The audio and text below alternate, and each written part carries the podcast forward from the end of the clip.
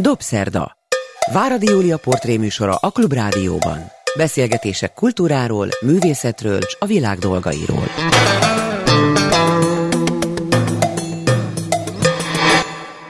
Jó estét kívánok, ez a Dobszerda, én Váradi Júlia vagyok, jó napot kívánok azoknak, akik vasárnap délben az ismétlésben hallgatják a műsorunkat. Nagyon örülök, hogy Sali Noémi van itt velem. Annyira szeretem hallgatni, amikor beszélsz bármiről. Még eddig csak olyat hallottam tőled, ami érdekes volt, mert mint az emberek tágra nyílnak a szemei, mert annyit és olyan sok fontos dolgot tudsz. Ezt akarom ma kibogozni, hogy ezek honnan jönnek, miért tudod ezeket, és mit is kezdhetünk velük. Meg hát azért is, mert hogy 150 éves ez a gyönyörű főváros, és mostanában derül ki egy csomó minden, amiről szerintem sokan nem tudtak, vagy legalábbis nem foglalkoztak vele. Úgyhogy ez a két apropó a mai beszélgetéshez. Kezdjük azzal, hogy miből jött az, hogy téged ennyire érdekelt a város, a város kultúrája, tulajdonképpen az a társadalmi kép, amit egy nagyváros nyújtani tud, annak a változása, a legkülönbözőbb oldalakról megközelítve. Kicsi gyerekkorodban is érdekelt már? Jó napot kívánok én is mindenkinek. Rettenetes kíváncsi kölyök voltam. Minden érdekelt, és még azon túl is messze minden, és egy nálam 11 évvel idősebb nagy testvér mellett nőttem föl, aki aztán újságíró lett, ahogy apánk is újságíró volt, és, és hát hogy, hogy mindenben lehet találni valami érdekeset, és állandóan kérdéseket kell és lehet föltenni, ezt azt hiszem, hogy, hogy én, én a bátyámtól tanultam meg. Mert hogy édesapád, azt olvastam szomorúan, hogy egészen kicsi voltál, szem két éves, amikor ő meghalt. Így van. A gulágon összeszedett olyasmit, ami miatt aztán már nem... Hát tíz évig a gulágban volt, de ezek ilyen rettenetes, teljesen hollywoodi típusú történetek, apám fogsága, meg az ő ottani megismerkedése az apósával, meg szóval vannak ilyen borzasztó. Mert hogy a felmenők között is voltak a gulágon, ahogy olvasom. Nagypapa is volt a gulágon, igen. Hát meg, hogy az egész családunk tulajdonképpen legalább 150 éve már mindenki Budapesten volt. És akkor ezek ilyen nagyon derék, rendes polgárok. Olyan igaziak. Egy néhány évvel ezelőtt a Litera fölkérésére írtam egy ilyen sorozatot, amikor én voltam a Literában a két flekken Igen. egy éven keresztül, és akkor ezek között megírtam. Egy csomó ilyen családi mondatot tulajdonképpen erre épült az egész, és akkor lett is belőle egy kis könyv, az a cím, hogy példabeszédek. Abban az egyik ilyen családi mondat, hogy polgár az az ember, aki hozzárak a világhoz. Ezt neked mondták És akkor ezt így mondták. Hát szóval ezek ilyen súlyjal nehezettek az embernek a vállára, de hát ugyanakkor meg kijelöltek útvonalakat, vagy kijelöltek Nagy elvárások voltak a családodban veled kapcsolatosan, vagy veled szemben? Nem voltak nagy elvárások. Az teljesen világos volt, hogy mindenki tudja, hogy én egy bitang okos kölyök vagyok, tehát tessék rendesen tanulni, mert hogy az eszem megvan hozzá, és akkor hát így azt nem lehet, hogy ne teljesítsek normális az iskolában, de a legsúlyosabb, a legszörnyűbb büntetés, amivel tényleg engem aztán a sarokba bőgésre lehetett kényszeríteni, az egy ilyen nagyon szintén súlyos mondat volt, az apád nagyon szomorú lenne.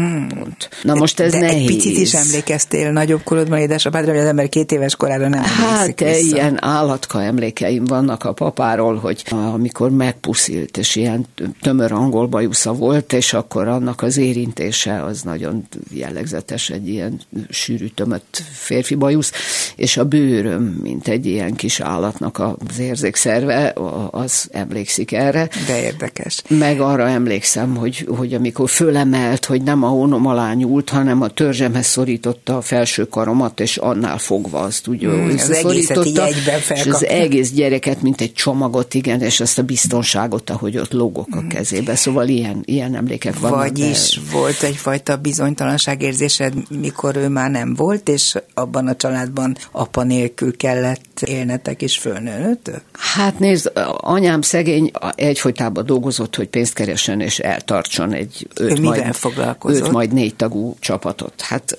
anyám a francia apácáknál Teheránban érettségizett, Igen, ahol a nagypapa, nagypapa építészként Teheránban dolgozott több mint tíz évig, és hát anyám ott járt iskolába, és amikor a nagypapát onnan elhurcolták a, a gulágra, akkor még hazajöttek a nők, ugye dédanya, nagyanyám és a két lánya. Ő, és tehát akkor, ő már akkor nagy kamasz volt. Hát ő már nagy lány volt, uh-huh. persze. És akkor tudott öt nyelven, meg gyönyörű volt, meg okos volt, és valahogy fölvették a rádióba, hogy hogyan nem tudom. És akkor ők ott ismerkedtek meg apámmal. Édesanyád mit csinált a rádióban? A mami a kulturális osztályon volt titkárnő, tehát ez a körülbelül szaladj le, édes Ilikém hozzááll a szerkesztő úrnak két zsömléca, körülbelül ez, ez volt, és gépelt, azt meg gépelni megtanították az apácák, megkötni, horgolni. Tehát amikor te kislány voltál, akkor anyukád a rádióban dolgozott? Dehogy is. A, akkor már nem. Mamit a papa érdemeire tekintettel 49-ben kiszórták a hóra.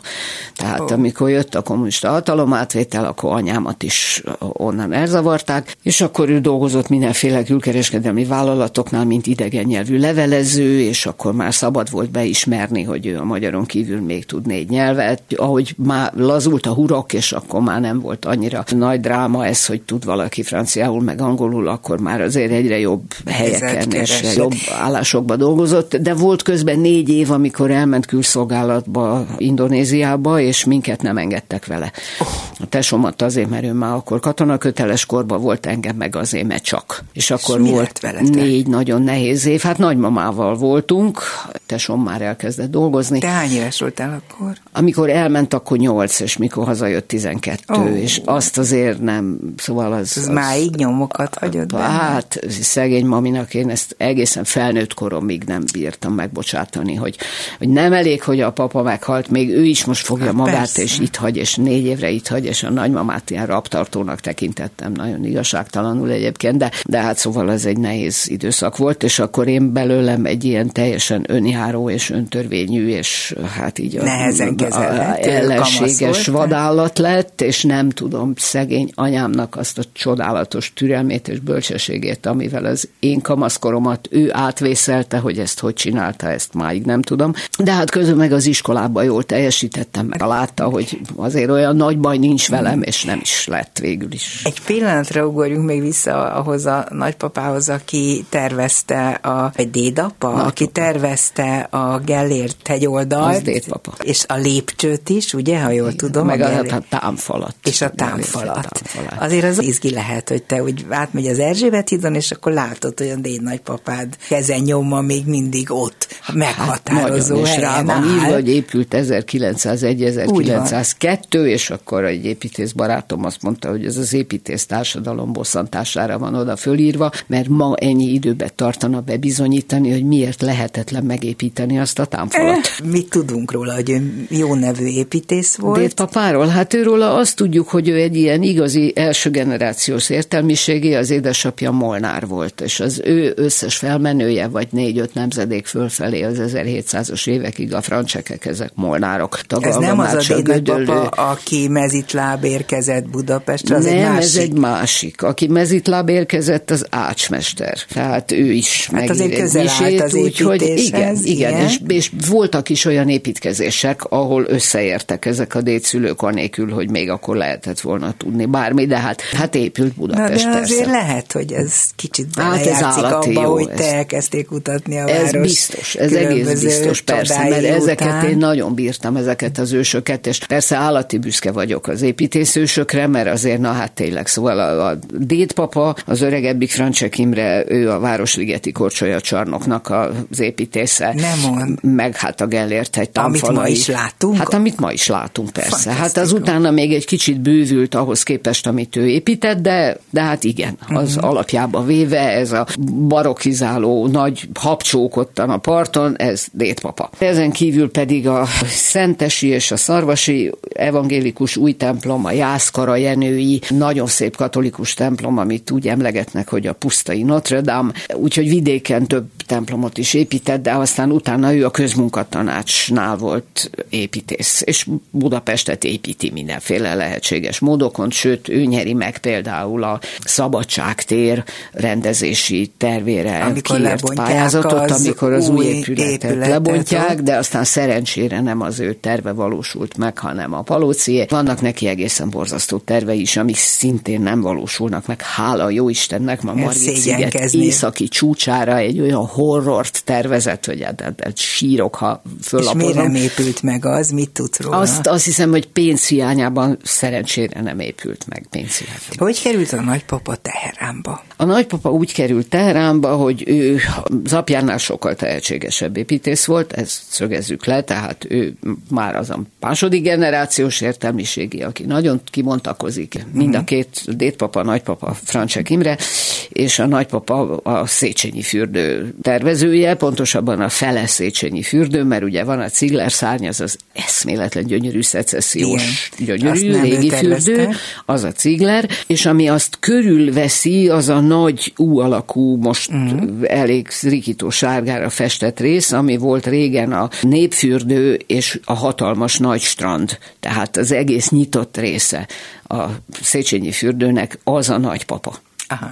És akkor a nagypapával nagyon elszaladt a ló, mert akkor ő itt hát egy ilyen igazi sztárépítész volt, és nagy arca volt, és nagyképű volt, és megnézte, hogy kinek köszön vissza, szóval, hogy én olvastam róla ilyen nem jó dolgokat is, és teljesen bele volt bolondulva az autókba, meg a motorokba, és autót ő maga is versenyzett, autóversenyzett. Hát és azért nem kell haragudni rá, gondold de milyen idők voltak, amikor valaki beülhetett egy autóba. Hát jó, egyáltalán. persze, igen, és akkor nagyon jóba voltak a borbíró Virgillel, és van egy olyan hmm. kép, ahol elutaztak egy nagy nyugat-európai túrára a Virgil a feleségével, meg nagypapa a nagyanyámmal. Ugyan csak építész vagy, csak hogy aki nem tudja Hát a, ő mondjuk egy na, nagyon, már nagypapánál is nagyobb és jelentősebb építész, és akkor van egy ilyen kép, ahol a Kölni dóm előtt ülnek egy akkora beng, hatalmas, gyönyörű nagy túraautóba, ott feszítenek négyen, és hát szóval na, ez volt a nagypapának a karrierje csúcsa Magyarországon, és egyrészt bele szipkázták bevettek őt valamilyen nagyon, nagyon idióta üzleti vállalkozásba, amiről nem volt igazán fogalma, hogy ő most ott mit csinál, és mibe lép bele, és mit vállal meg. Nem volt olyan nagyon fiatal már akkor, meg mit tudom én, hát a kora 30-as éveibe jár, de hát minden esetre tényleg tapasztalatlan volt ilyen üzleti ügyekhez, abszolút nem értett, másfelől pedig kártyázott. Kártyázott, nagyon kártyázott, nagyon nagyba kártyázott, és akkor ennek aztán az lett a vége, hogy így teljesen teljesen összecsaptak a fej fölött a hullámok. Ja, két, ezért elmenekülnie. Két család teljes vagyona elment a lecsóba. Oh. De ezt úgy kell elképzelni, hogy a, az én anyai nagyanyám családja, hát az is ott egy nagy banknak a jogtanácsosa volt, a, a Smigdét papa, és akkor Pasaréti telkek, egy nagy bérház, egy sarokház a mai Batyányi és Főutca sarkán, ahol a posta van, jó, akkor még csak két emeletes volt, nem három részvények, mit tudom én, minden és hát ugye hát a házasság ez régen ez mind, ez mind elúszott Ó, Istenem, a nagypapa, menekülni nagypapa adóságaival, ez mind elment, és akkor a nagypapa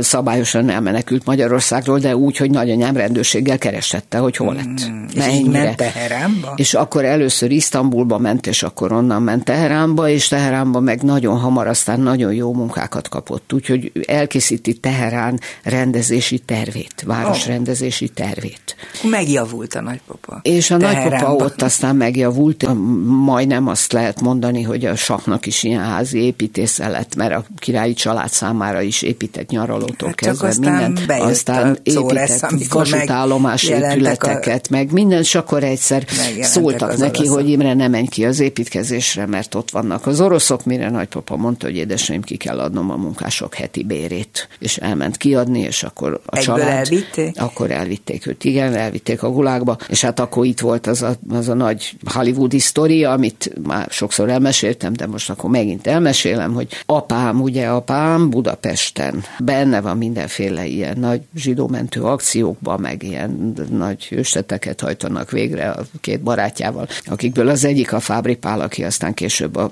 Pulitzerdíjnak, a, a magyar Pulitzernek az alapítója lett, aki az én keresztapám, uh-huh. papa a rádióban, meg hát előtte haditudósítóként, de tévébe, aztán végig a rádióba, és akkor a felszabadult Budapestről hurcolják már őt el névre szólóan, mert hát az oroszok úgy voltak vele, hogy ha valaki az antifasiszta ellenállásban nagyon sikeres volt, és, és nagyon ügyes volt, akkor igazságosan és egyformán utáni fogja mind a kettőt, és minden okuk meg is volt arra, hogy ezt gondolják. Mert utálta is mind a kettőt. És hogy igen, és hogy akkor itt is várható, hogy akkor itt is ő majd sikeres lesz, és hát őt ki kell iktatni. Tehát likvidálni kell, el kell vinni ugyanarra a gulágra, ahol, vagy ugyanabba a szörnyűséges táborba, ahol a nagypapa is. Igen, már akit meg kémkedéssel vádoltak, de hát ha bárkit bármivel meg járt, lehetett Hány vádolni. évet? Fejenként? Nagypapa? Hát tíz, a nagypapa nem tudom, hogy 15 vagy 10 kapott el, talán ő is tizet csak. És hogy vészelték át ők, a és nagypapa akkor, és az édesapja? most az történt, hogy apám még egészen kölyökként az orvos egyetemre beiratkozott. Abban az időben nem az ötödévesek mentőztek, mint most, hanem az elsősök.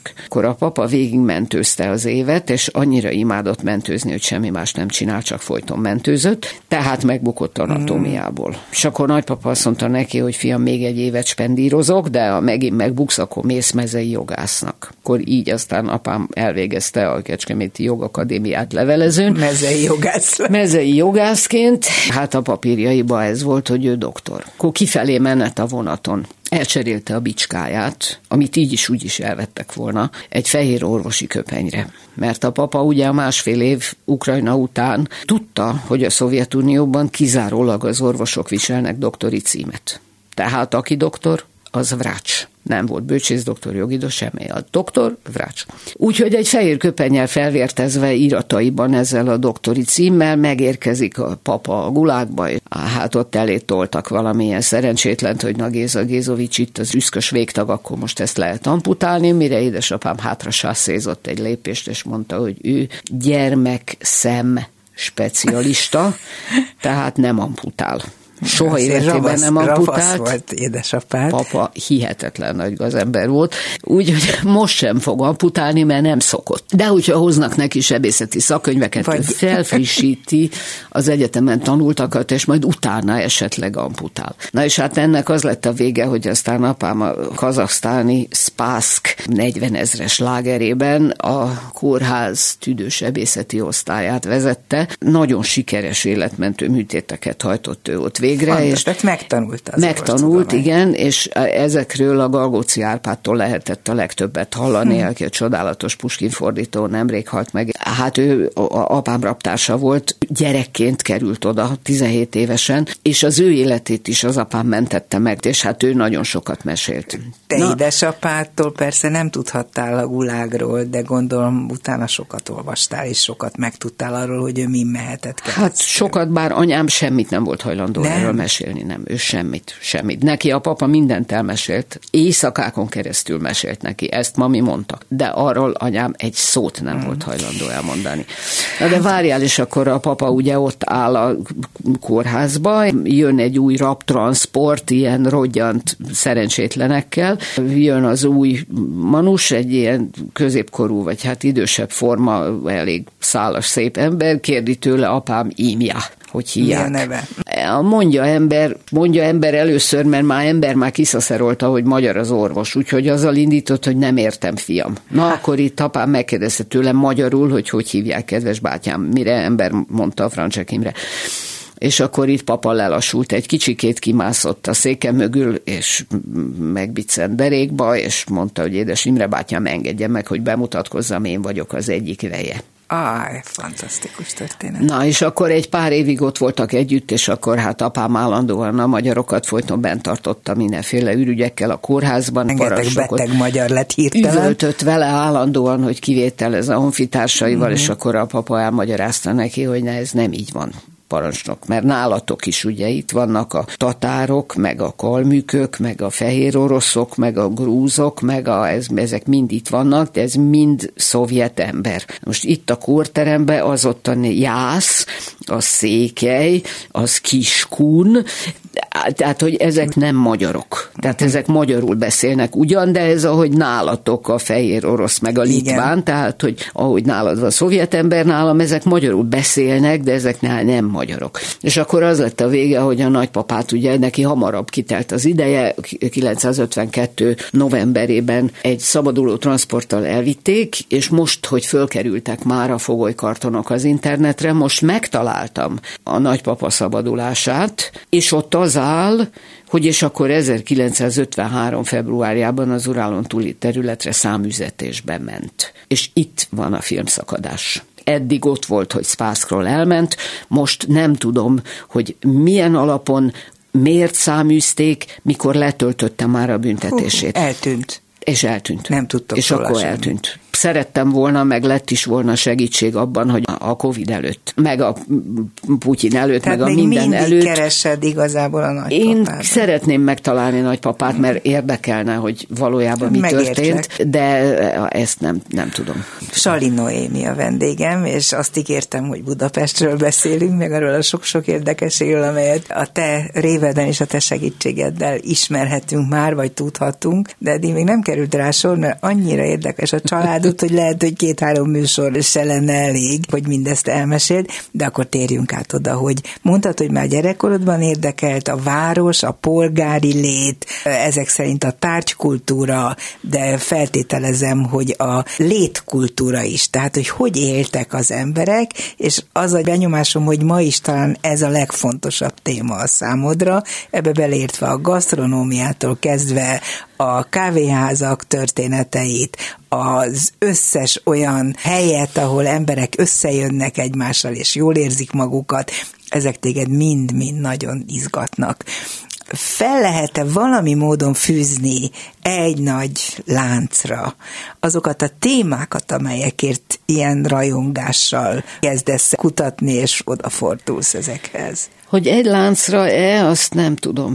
Nem is biztos, hogy föl kell, csak Engem... hogy biztos, hogy van egy irány, ami miatt. Nagyon sok minden érdekel. A, az elég érdekes mostani fejemmel visszanézve, hogy iskolás koromban a történelem nem, hogy nem tartozott a kedves tantárgyaim közé, hanem egyszerűen utáltam és idegesített, mert állandóan évszámokat kellett magolni, és folyton arról szólt az egész, hogy most akkor a csata, és legyőzi, és megöli, és letaszítja, és leigázza, és szöges bakancsba úrál a gégéjén, és tüzes vastrón, és szóval a halál történelmét tanították nekünk, amikor nem pénzről volt szó, akkor a hatalom történet és a hatalom megszerzése és megtartása, és szóval elkörül forgott az egész, és én azt mondtam, hogy a francba hagyjanak engem ezzel békén és helyettem mindenféle mással foglalkoztam, rengeteget olvastam már akkor is, de hogy ez így engem konkrétan rohadtul nem érdekelt, és hogy az összes hülye évszámmal meg pláne hagyjanak békén. És akkor nagyon sok idő telt el, amikor aztán Szegeden tanítottam már az egyetemen, az is egy hosszú, boldog időszak volt az életemben, francia irodalom története. Itt egy zárójeles kérdésem csak, hogy miért a francia nyelv édesanyádon keresztül került hozzád közel? Igen, egyszerű? mert a testvérével franciául beszéltek, és én azt nem értettem. És nagyon föl voltam emiatt háborodva. És akkor bekerültem a Szilágyi Erzsébet gimnáziumba, aztán tanítok néhány évig a Dózsa György gimnáziumba, ja. itt mindjárt Rákospalotán, közben van egy nyelviskolánk a barát barátaimmal, illetve és az orvos egyetemen egy nagy kollégiumban voltam. Kollégiumi tanár, az is egy nagyon vidám kilenc év volt az életemben, és akkor visszahívtak Szegedre. Mi akartál lenni? De nem akartam én lenni semmi. Hát gyerekkoromban orvos leszek én is, mint apám persze ez, de aztán mikor kiderült, hogy fizikából van felvételi, akkor ezt azonnal ejtettem, tehát ez így akkor nem és nem tudtam. Hát ez, hogy bölcsész, ja igen, bölcsészkar valami, ahol olvasni kell sokat, az jó. Rengeteget olvastál. Rengeteget. A bölcsészkaron Szegeden, ami abban az időben egy irtozatos jó hely volt, igen. nagyszerű tanárokkal és nagyon-nagyon jó diáktársakkal, mert arra ócsúttam, hogy én soha életemben semmi más nem akartam lenni, csak tanár. Nagyon hosszú évekig úgy szoktam ezt mondani, hogy az életem jobbik felében tanár voltam. Én szerintem te ma is Most tanár is, vagy. Persze. Ha nem is a gimnáziumban vagy az egyetemen vagy tanár, te nem középiskolás fokon tanítod a népedet. Hát, ja, Tényleg arra, hogy, hogy mi a város, hogy mi a városi lét, és hogy ennek a felkutatása és a tudása ezek szerint napi betevő számodra. Hát az lett aztán, hogy mikor mondom Szeged, és akkor vonattal mentünk szerda reggel le, csütörtök este föl, akkor ott mindenféle szakosok, tehát egy ilyen mozgó kávéház, vagy egy ilyen mozgó kihelyezett akadémia, vagy nem tudom mi volt ez, a vonat, vonatozás. Nagyon sok budapesti járt Szegedre tanítani, és akkor mindig együtt utaztunk, meg voltak az állandó csapatok, amiben a geográfustól és a matematikustól, a pszichológuson és a történészig a minden volt és akkor a, természetesen a minden utazás során a távol lévők obligát szapulásán kívül, mhm. ami elmaradhatatlanul persze volt, mindenki mesélt arról, hogy most éppen mit csinál, és hogy most mi van az ő szakmájában. Ott kezdtek a történészek mesélni egy akkor új történetírói irányzatról, amit mikrohistóriának hívnak, és ami teljesen ellenkező irányba működik, mint amit én addig láttam, mert mondjuk fognak egy német alföldi parasztudvar gazdasági naplóját, és abból kibomlik a 30 éves háború. Na és amikor én ezzel megismerkedtem ezzel a dologgal, és néhány ilyen könyvet elolvastam, és sírtam a gyönyörűségtől, na akkor látszott, hogy ez nagyon jó, ez engem nagyon érdekel. Ha történelem, akkor ez a te történelme. Igen, és akkor egy következő pillanat az volt, amikor a Zeke Gyula barátom jó voltából a kávéházak felé fordult az érdeklődésem. Az, az ő inspirációja alapján történt? Hát persze, igen. Tehát igen, ez nem mert... neked jutott eszedbe, hogy a kávéházakat fel. Hát magamtól sose lett volna ennyi eszem, nem. nem Csalódást hanem... okozó, én azt hittem. nem, nem, nem, nem. Én mindig másoktól tanulok valamit, vagy mások valamit mondanak, vagy csinálnak jól, ami engem érdekelni kezd, és a Gyula akkor a budapesti negyed folyóiratba szerkesztette egy kávéházi számot, Igen. 96-ba, és 95-ben kezdtünk beszélgetni mi erről, és akkor rájöttem, hogy hát, hogy ez eszméletlen jó. Melyek voltak az igazi kávéházak? Írtál Palatinusztól kezdve a Centrál kávéházon keresztül a Japánig mindegyikről. Minden kornak megvan a saját igazi kávéháza, és mindig az adott kor kitermeli saját magának a saját kávéházait. Az is kialakul mindig, hogy milyen körök járnak össze bizonyos helyekre és más más körök meg más helyekre, és ez minden korszakban így van, és én nem gondolom, hogy a maiak ne lennének igaziak, csak hát másmilyenek, meg mások. Obligát módon megvoltak a szakmáknak a saját kávéházaik, úgy hát Meg, meg igen. Most, most a Facebook tölti be ezt a szerepet, hogy mindenki csoportokba tartozik a csoportok. Egy korty finom kávé sincs a Facebookon, én nincs, nem hát próbálkoztam nincs. még ezzel, de biztos, hogy nem sikerülne. Nincs, a kávé az egy ilyen mellékes szolgáltatása volt volt a régi kávéháznak, ott az információ volt a legfontosabb. Nyilvánvalóan. Tehát a kávéház e, elsősorban az információ forrása.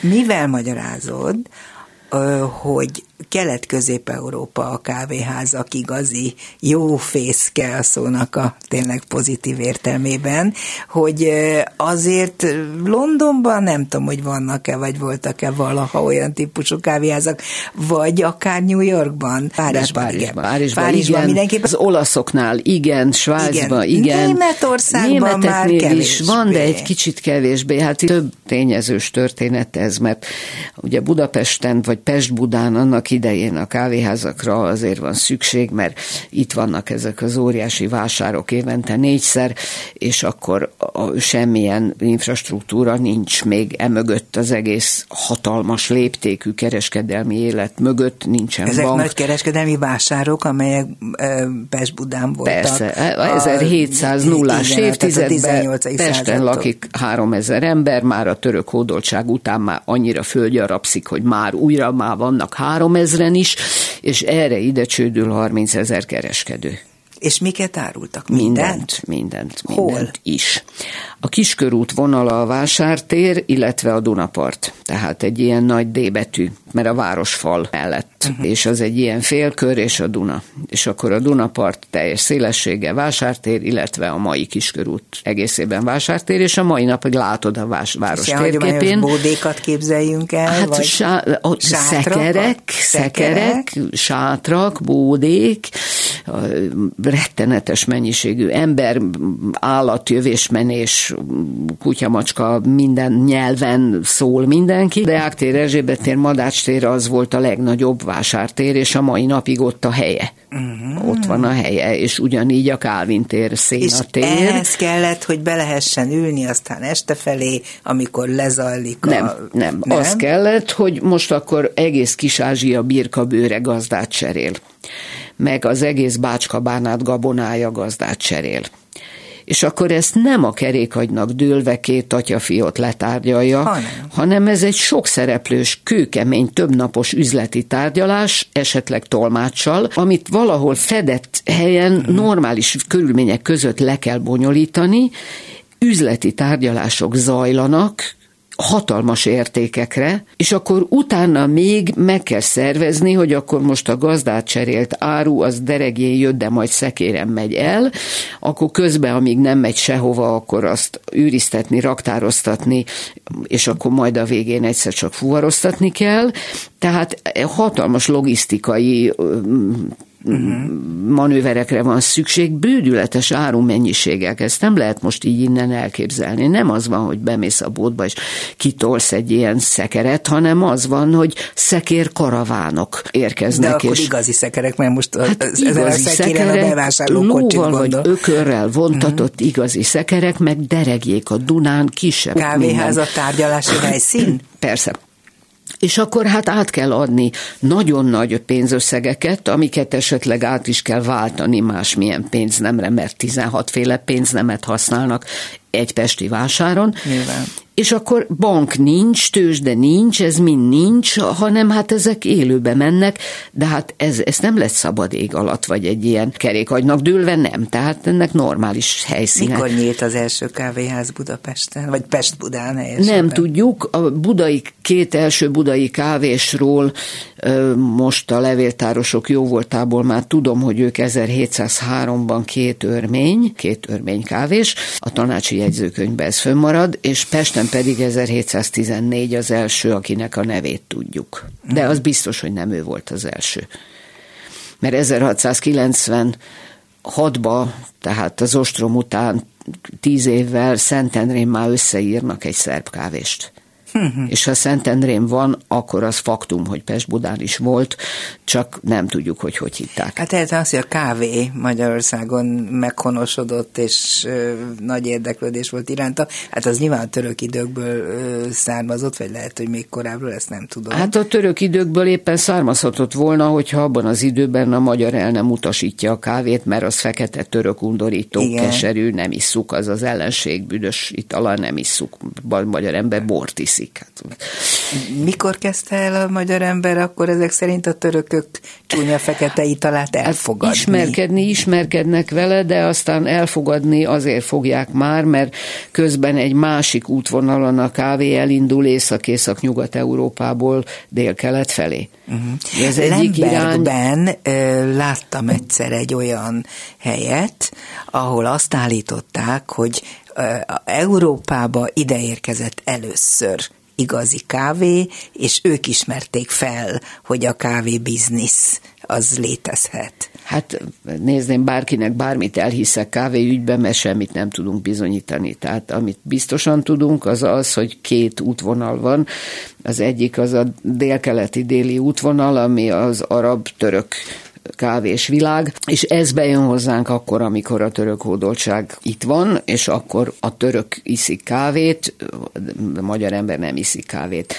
A másik irány az az észak-észak-nyugati irány, amikor a hollandok átveszik a hatalmat a világ tengereken, átkerül a tengeri kereskedelem központja Velencéből Amsterdamba, A hollandok lopnak kávét serjét Jemenből, elültetik a gyarmataikon, Indonézia ma is a világ egyik legnagyobb kávéexportőre, tehát onnantól kezdve ez az arab kávéhegemónia, ez megszűnik. Na most ott a kávé az ára miatt Észak-Észak-Nyugat-Európában a legmagasabb rétegek uh-huh. kiváltsága, és ezért csodálatos külsőségek tartoznak hozzá, ezüstálca, porcelán, tapéta, libériás inas. A, az arab-török kávéhagyománynak két nagyon fontos pontja van. Az egyik az, hogy a kávékészítés technológiája a kicsi sűrű erős ütős jó kis tömör fekete, ami a mai magyar ember fejébe is a kávé, kérsz egy kávét, hát akkor az ezt jelenti. Egy, ezt jelenti.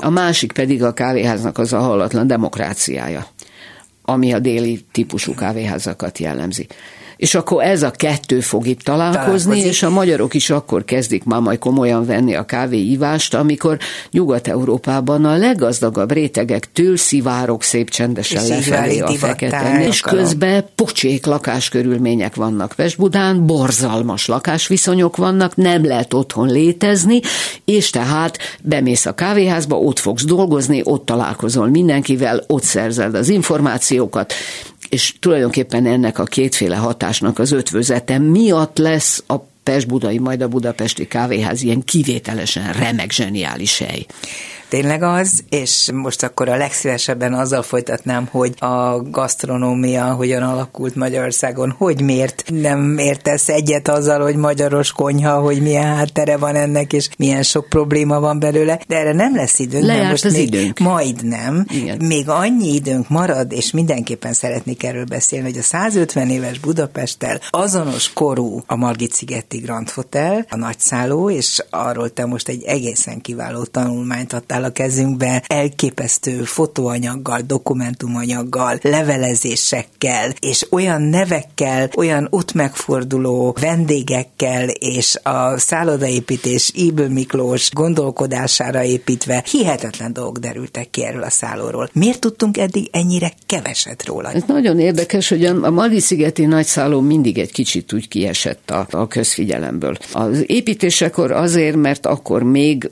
az egész Margit-sziget lett a főherceg birtoka, a József főhercegé, és... Itt teszem zárójelbe, amit én például egyáltalán nem tudtam, hogy a nyulak szigetét csak félreértették, biztos sokan tudják, hogy a szó, hogy nyulak, az valószínűleg egy betű elírása miatt elve nyulakat, hanem leprást jelentett. A lepórum, meg az insula leprórum, a lepra elkülönítő. Na, szóval, hogy eleinte azért nem, mert hát ott volt a fürdő, a fürdő az minden mást elnyomott, ugye gyönyörű épület volt Ibül Miklós Margit fürdője, aminek a pusztulása egy nagyon szomorú történet. Az ostromba kapott szegény épület hideget, meleget, és minden sürgősebb volt értelemszerűen 45 után Budapesten, mint egy fürdőnek a helyreállítása, a költséges helyreállítása. Akkor akarták bontani, aztán mondták, hogy mégis íből ne bontsuk, és akkor nem bontották, de nem is javítottak Igen. rajta semmit, és 956 tavaszán volt egy nagyon nagy árvíz, ami aztán az árvíz az már az javíthatatlanul, vagy már gyógyíthatatlan tönkretette.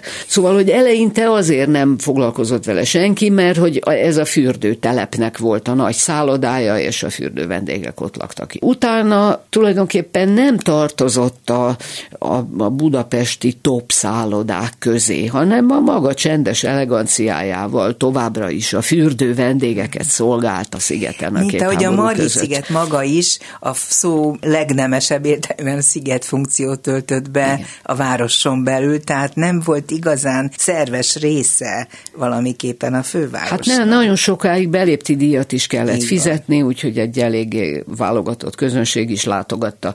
Hát utána pedig, amikor a Margit-szigeti nagyszállónak a megtartása mellett döntöttek, mert az is elég romos volt az ostrom után, akkor meg valószínűleg az is szempont volt, hogy ugye nagyon jól izolálható a nagyszálló a szigeten belül is, és nagyon jól védhető és hogy akkor lett egy olyan hely, ahova az ilyen top vendégeket mindig elszállásolták a szocializmus kori időszaknak a vendégei között is, hát egy csomó politikus, meg a Varsói Szerződés tábornokai ott üléseznek, meg nem tudom, szóval... Hát hogy... elképesztő emberek fordultak meg ebben a nagyszállóban. Hát aki Magyarországon Igen. nagy emberként a nemzetközi hírére hivatkozással is akár megemlítendő, hát az oda ment. E, igen. Szukárnó elnök jön, nem tudom, 960-ban vagy 61-ben 14 feleséggel, akik között van egy magyar. Hát ett, azt mondtam, hogy elhajítom az agyvelőmet, hogy a Szukárnónak van egy magyar felesége. Hát ez megint aztán a két ország közötti diplomáciai kapcsolatokat nagyon pozitív irányba fejlesztette, De volt vagy még hát ilyen, módosította. ahol a politikai kapcsolatok itt a Margit-szigeti nagyszállóban alakultak, vagy változtak. Hogy ne, hát persze, hát az amerikai misszió például a Margit-szigeten tartja a hadiszállását, és akkor a háború idején az úgynevezett angol barát értelmiség közösség, ugye, akik az Antant hívei voltak, ők oda jártak, hát nyilván a gestapo pontosan tudta, hogy kik járnak oda, de hogy még a Horti fiúk Fiú. is megfordultak ott. Úgyhogy én nekem ez egy nagyon kedves játékom volt a könyv írása közben, hogy olvasod a szálloda történetét, és akkor időről időre, mint egy rugós krampusz a dobozból, kiugrik egy fej. Kiugrik egy ember, aki itt megfordult, és akkor hát itten a Tűr Istvántól és Leszeps Ferdinántól kezdve Arany Jánoson át jutsz egészen különös figurákhoz. Az egyik kedvencem, aki ez nagyon ragaszkodtam, hogy bele akarom tenni, hogy legyen ott, Rosenzweig Morné Zafir sarolta. Csodálatos történet. Akiről semmit nem tudtam az ég a világán. Nem is hallottad a nevét korábban? Hát nagyon futólag talán, mert valahogy így ez az Afir sarolta, e, ezen már akkor is szórakoztam. De valahogy ilyen nagyon ködös képen volt benne, csak hogy milyen hehe, milyen név Zafir sarolta. Na hát van olyan jó, mint az én őseim között, mondjuk Cipaver Jakab vagy Szuléger Marcella. Zafir sarolta és akkor kiderül róla, hogy ő a magyar kisdednevelésnek, az óvodai nevelésnek egy Brunswick terészhez fogható jelentőségű kiváló alakja, aki 94 esztendős korában az ő egyletének a nem tudom hány kerek esztendős évfordulós megemlékezésén még hosszú összefüggő ünnepi beszédet tart, 94 éves. Sarolta néni, és ő Arany János folyosó szomszédja a másodikon. Mert tudjuk, hogy Arany János ugye ott lakott. Igen, de hogy Hosszan. azt például nem tudtam én, és nagyon hálás voltam azoknak az irodalomtörténész fiatal kollégáknak, akik tőle ezt én megtudtam, hogy Aranynak a szállodaszámláit, vendéglői számláit és egy maga kezével rajzolt Margit sziget térképét őrzi a Nagyszalontai Aranymúzeum, akik nagyon édesek voltak, és kölcsön, vagy hát szóval közlésre ezt ideadták, és akkor benne van a könyvbe a Csodát. aranytitoknok úr rajza a régi Margit szigetről. Igen, mert hogy itt rajzok, grafikák, dokumentumok, levelek, csodálatos fotók, olyan fotógyűjtemény, nem tudom, hogy tudod ezeket felderíteni. És, mert jó ez az Isten jót ad, és leteszi a vaktyúk elé a piros kukorica szemet. Jaj, de szépen hangzik. Mi volt számodra azon kívül, hogy Zafir sarolta 94 évesen tartotta ezt a csodálatos előadást, mi volt a számodra a legmegdöbbentőbb, amire rábukkantál, amikor a nagyszálló történetét kutattad? Kedvencem a szálloda alapozása, amikor Ibl Miklós a katonaságot hívja segítségül, tudnélik évszázados hatalmas fákat kell azon az építési területen kivágni, és hát ugye képzeljük már el, hogy van neki fejsze, fejszéje, meg fűrésze és akkor oké, okay, hogy magukat a hatalmas fatörzseket kidöntik, de, de ott milyen maradnak. Kár, hogy kivágták, ugye? Hát ma sajnáljuk. Mai eszünkkel nem hagynánk, de hát igen és akkor ott maradnak ilyen írtózatos tönkök, Igen. de ilyen hatalmas tönkök és iszonyat gyökérzet. És hogy hát ezt, de ezt nem lehet kézi erővel, hát hogy az ördögbe csinálod ezt? És akkor Ibla katonasághoz fordul, és megtudtam egy, egy ilyen hat történeti folyóiratban megjelent cikkből, hogy Itt legelőször fordul elő az, hogy egy bizonyos katonai robbantásos technikát, amit korábban csak a bányászat, illetve a hadászat használ, ezt polgári célra itt használják, és a katonaság kirobbantja ilyen speciális tölté, töltetekkel ezeket az óriási Tehát tönköket az építési Legalább a robbanó anyagokat valami békés célra És ez, ez engem egészen lenyűgözött és elképesztett, Nem hogy tudom. ilyen bányászati és katonai technológiával a, a farönköket leküzdik, ébölnek. Arany Jánost emlegettük, de számtalan olyan magyar nagyíró neve feltétlenül megemlítendő a nagyszálló történetéhez kötve is, meg hát Budapest történetéhez, meg a Tabán történetéhez, amely hozzád különösen közel áll lévén, hogy ott laktál. Mi meg egy... laktam. Én még most is most ott is ott laksz, bocs. bocsánat, igen. Úgy fognak hogy, kirobbantani, hogy... mint a katonák a fatöveket. Igen, úgy látod, hogy úgy fognak onnan kirobbantani. Igen, csak úgy lehet. Csak úgy lehet. Tehát, hogy Krúditól Heltain keresztül rengeteg olyan írót idézel, szerintem fejből is idézed őket, mert az is a fejedben van tökéletes módon, hogy ki mindenki írt ugyanolyan lelkesedéssel és olyan odaadással erről a városról, amilyennel te is közelítesz hozzá. Azt feltételezem, hogy van egy olyan könyves polcod, amin csak Budapestről író magyar írók művei szerepelnek. Két vagy ilyen nagy nincsen. könyvszekrényem Kettő van ilyen. van tele. Ahol most gondoltam. már kigyűjtöttem a szép irodalomból azokat, ami Budapesten hiteles helyszíneken játszódik.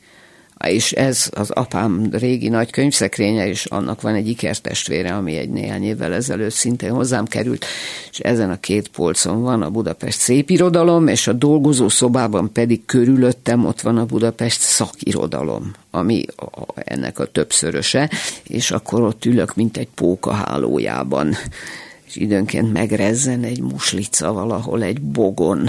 És a pók rögtön utána És kap. akkor én ugrom oda.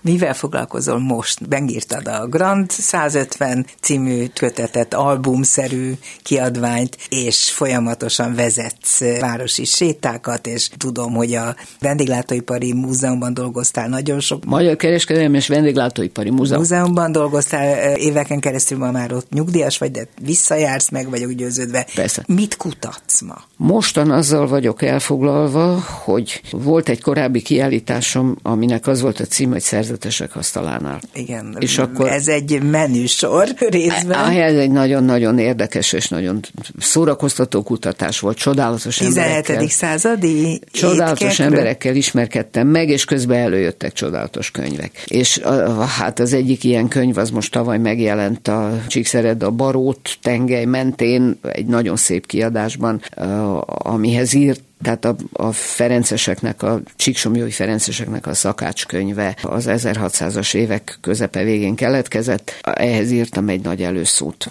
De miközben kutattam, azon közben járkáltam, mászkáltam a mai rendházakban nézni, hogy most akkor a kismarosi apácák főznek eszméletlen finom lekvárt, meg csinálnak csodálatos ilyen gyógymézeket, meg ilyen mindenféle csodás kencéket. Tihanyba ugye nagyon nagy gazdaság van, Pannonhalmán is nagyon nagy gazdaság van, és a Bakonybéli monostorban is a 400 éves somfájukról főzik be a somlekvárt. Na és akkor hát ott addig beszélgettünk beszéltünk, ameddig Bakonybélbe elkészült két könyv, amelyeknek én nem szerzője, hanem szerkesztője vagyok. A két szerző az a János testvér, aki akkor még ő volt a vendégpáter és főzött, és Borika az ő mostani szakácsnőjük, aki egy fantasztikus korombeli teremtés és tündér.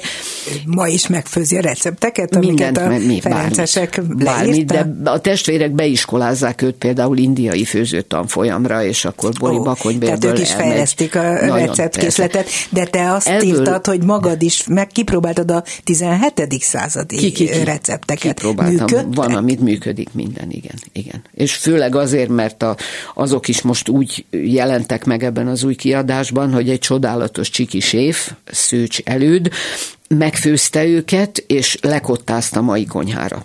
Óriási. Mert ugye a régi receptekben nincsenek anyaghányadok, mert nem volt mérleg a konyhában. Tehát akkor marokkal, vagy csészével, vagy kanállal? Hát vagy egyszerűen végy ezt, tegyél bele azt, csináld Aha. vele ezt, és akkor a végén add fel.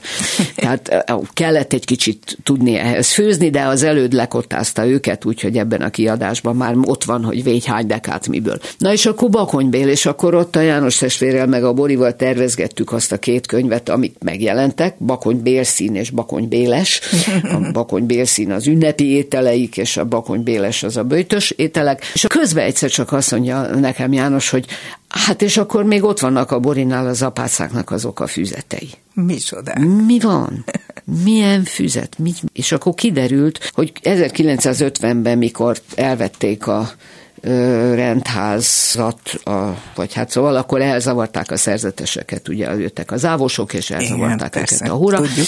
és a Bakonybéli Bences monostorból gyakorlatilag internáló tábor lett idős apácák számára. Oh. És ott irgalmas nővérek laktak, elképesztő teremtések, és most abba fáradozom, hogy a Bori a meghalt apácák hagyatékából elrakta ezeket a receptes füzeteket, ebből én most összeállítottam egy szakácskönyvet. Tehát egy új könyv születik. Ezer recept. Őrület. Ezer.